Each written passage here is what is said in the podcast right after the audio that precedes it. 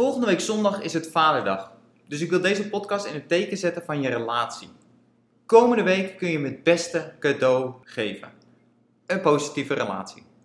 Weet je nog over het doorbreken van patronen? Verander jouw rol en je relatie verandert vanzelf mee. Hey, dit is Bas en Alexander en welkom bij de Opvoedshow. Vandaag wil ik het hebben over je relatie en dan voornamelijk over de communicatie binnen je relatie en hoe je deze daardoor zo sterk mogelijk kunt maken. Ten behoeve van je eigen geluk, maar ook dat van je partner en ook dat van je kinderen. Vandaag wil ik dieper ingaan op de negativiteit als een soort van default state, van automatisch naar de negativiteit kijken. Nummer 2, laat hem winnen. Nummer 3, assertieve communicatieformule. Twee tips vanuit de wetenschap en we eindigen met de challenge. Laten we beginnen. Ons miljoenen oude brein kijkt altijd naar waar het gevaar schuilt, waar de negativiteit schuilt, zodat het als een soort van overleving daar direct op kan gaan handelen. Dat we nog in de grotten leefden en dat we nog oog in oog konden staan met de sabeltandtijgers, was dit een essentiële overlevingsstrategie om weer een dag te overleven. Maar vandaag de dag komen we niet vaak meer oog in oog met een sabeltandtijger of in een levensbedreigende situatie. En daardoor is dat mechanisme, die werking van het brein, wordt eigenlijk op een hele verkeerde manier gebruikt, waardoor we in onze kleine stressoren gedurende de dag telkens die negativiteit als heel zwaar zien. En je kunt het zien als dat je 100 complimenten krijgt en er zit één kritische noot bij, dat die net je aandacht trekt. Dat die net wat meer aandacht krijgt en dat je daarover gaat malen. En dat die 100 complimenten veel minder zwaar wegen. Dit kun je ook zien binnen je relatie. Positieve acties, lieve complimenten wegen allemaal minder zwaar dan de kritiek. Maar ook wat je in de ander ziet. Een lief gebaar valt veel minder op dan wanneer iemand zijn troep laat staan, de afwas niet heeft gedaan of iets dergelijks. Daarom moet je dus rekening houden met die ratio tussen complimenten en kritiek. Hoe zit dit in jouw relatie? Is er een goede balans tussen die complimenten en die kritiek? Want nogmaals, één op één is niet de juiste ratio, want kritiek valt veel zwaarder. Wat zou voor jou een goede ratio zijn voor complimenten en kritiekpunten?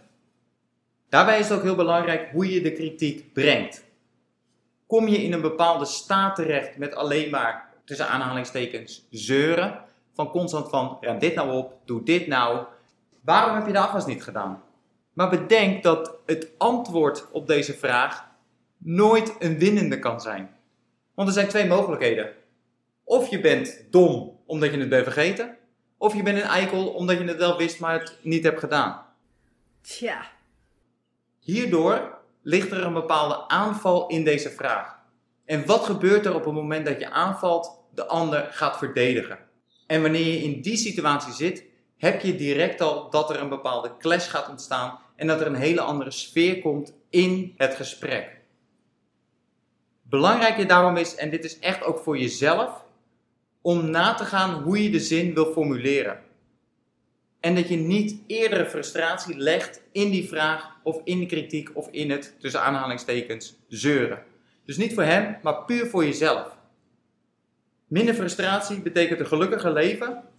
Minder ruzie of minder meningsverschillen zorgt voor meer energie. En ook nog eens dat je partner veel gemotiveerder raakt om die afwas uiteindelijk te doen. En dat het geen machtsstrijd wordt van, ja, ik ga niet hier een beetje jouw opdrachten zitten vervullen. Dus daarin heb je ook nog eens dat je partner veel gemotiveerder raakt om uiteindelijk de afwas ook daadwerkelijk te gaan doen. Dus in plaats van de vraag van waarom heb je de afwas niet gedaan, hoe kan je die nou anders formuleren dat je partner veel gemotiveerder raakt om of op te springen en direct de afwas te doen, of in ieder geval voor de volgende keer er bewuster mee om te gaan en meer zijn best te doen. En dat is door het meer als een statement te zeggen en het heel erg bij jezelf te houden. Dus niet de reden zoeken waarom hij het niet heeft gedaan, maar puur jouw emotie communiceren, wat het met jou doet als de afwas niet is gedaan. Lieverd, als ik thuis kom, zou ik het zo fijn vinden als de afwas is gedaan. Zou je deze alsjeblieft willen doen? Hoe vind je dat klinken? Denk je dat hij daardoor veel gemotiveerder zou zijn om die afwas te gaan doen. Of in ieder geval de volgende keer er bewust bij na te denken van hé, hey, als ik de afwas doe, dan help ik mijn vrouw daarbij. En hierin heb je dus een situatie waarin hij kan winnen, waarin je hem in een situatie zet van hij kan zorgen, hij kan in een winnende situatie komen waarin hij iets voor jou doet, in plaats van die machtsstrijd van jij geeft de orders en hij moet het opvolgen. Oh ja.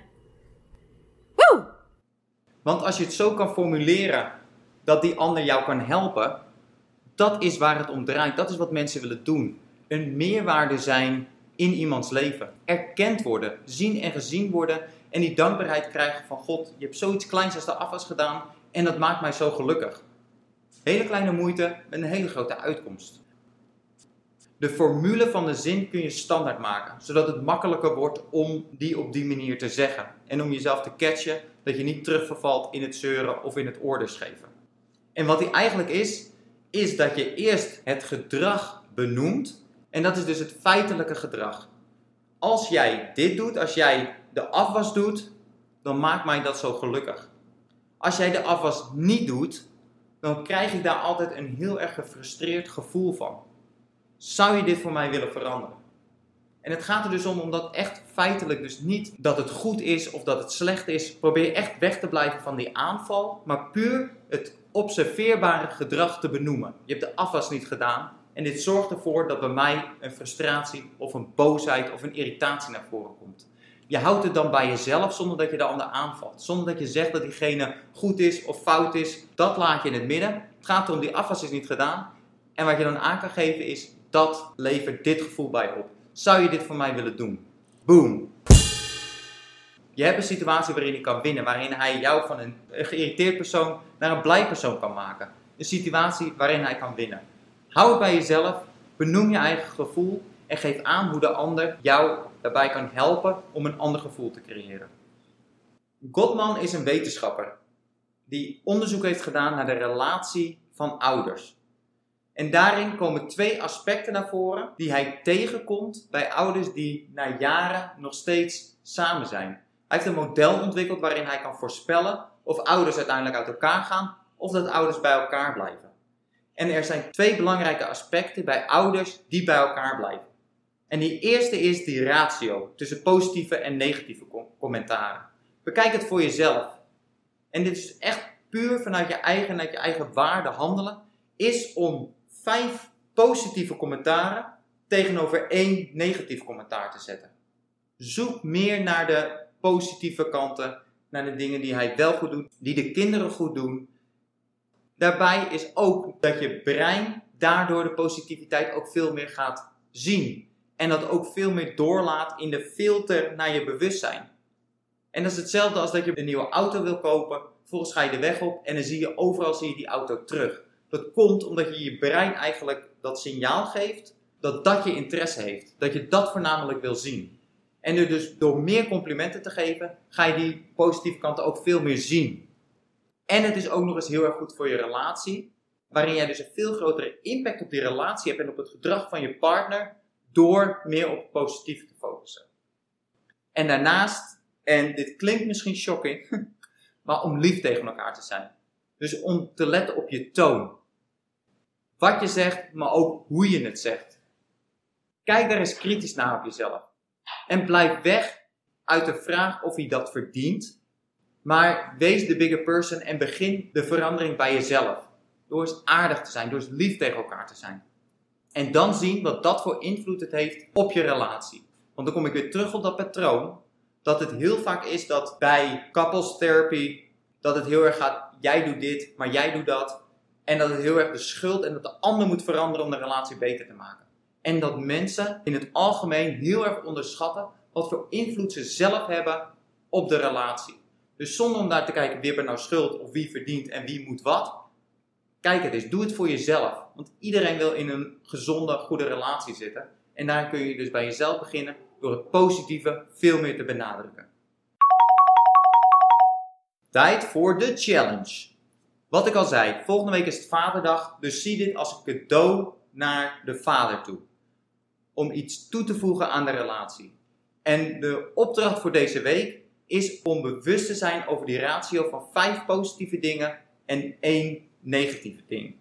Dus probeer aankomende week, zonder het aan te kondigen, zonder het te zeggen, maar veel vaker is een compliment te geven over hele kleine dingen. Het hoeft absoluut geen grote dingen te zijn, maar hele kleine dingen positieve aandacht te geven.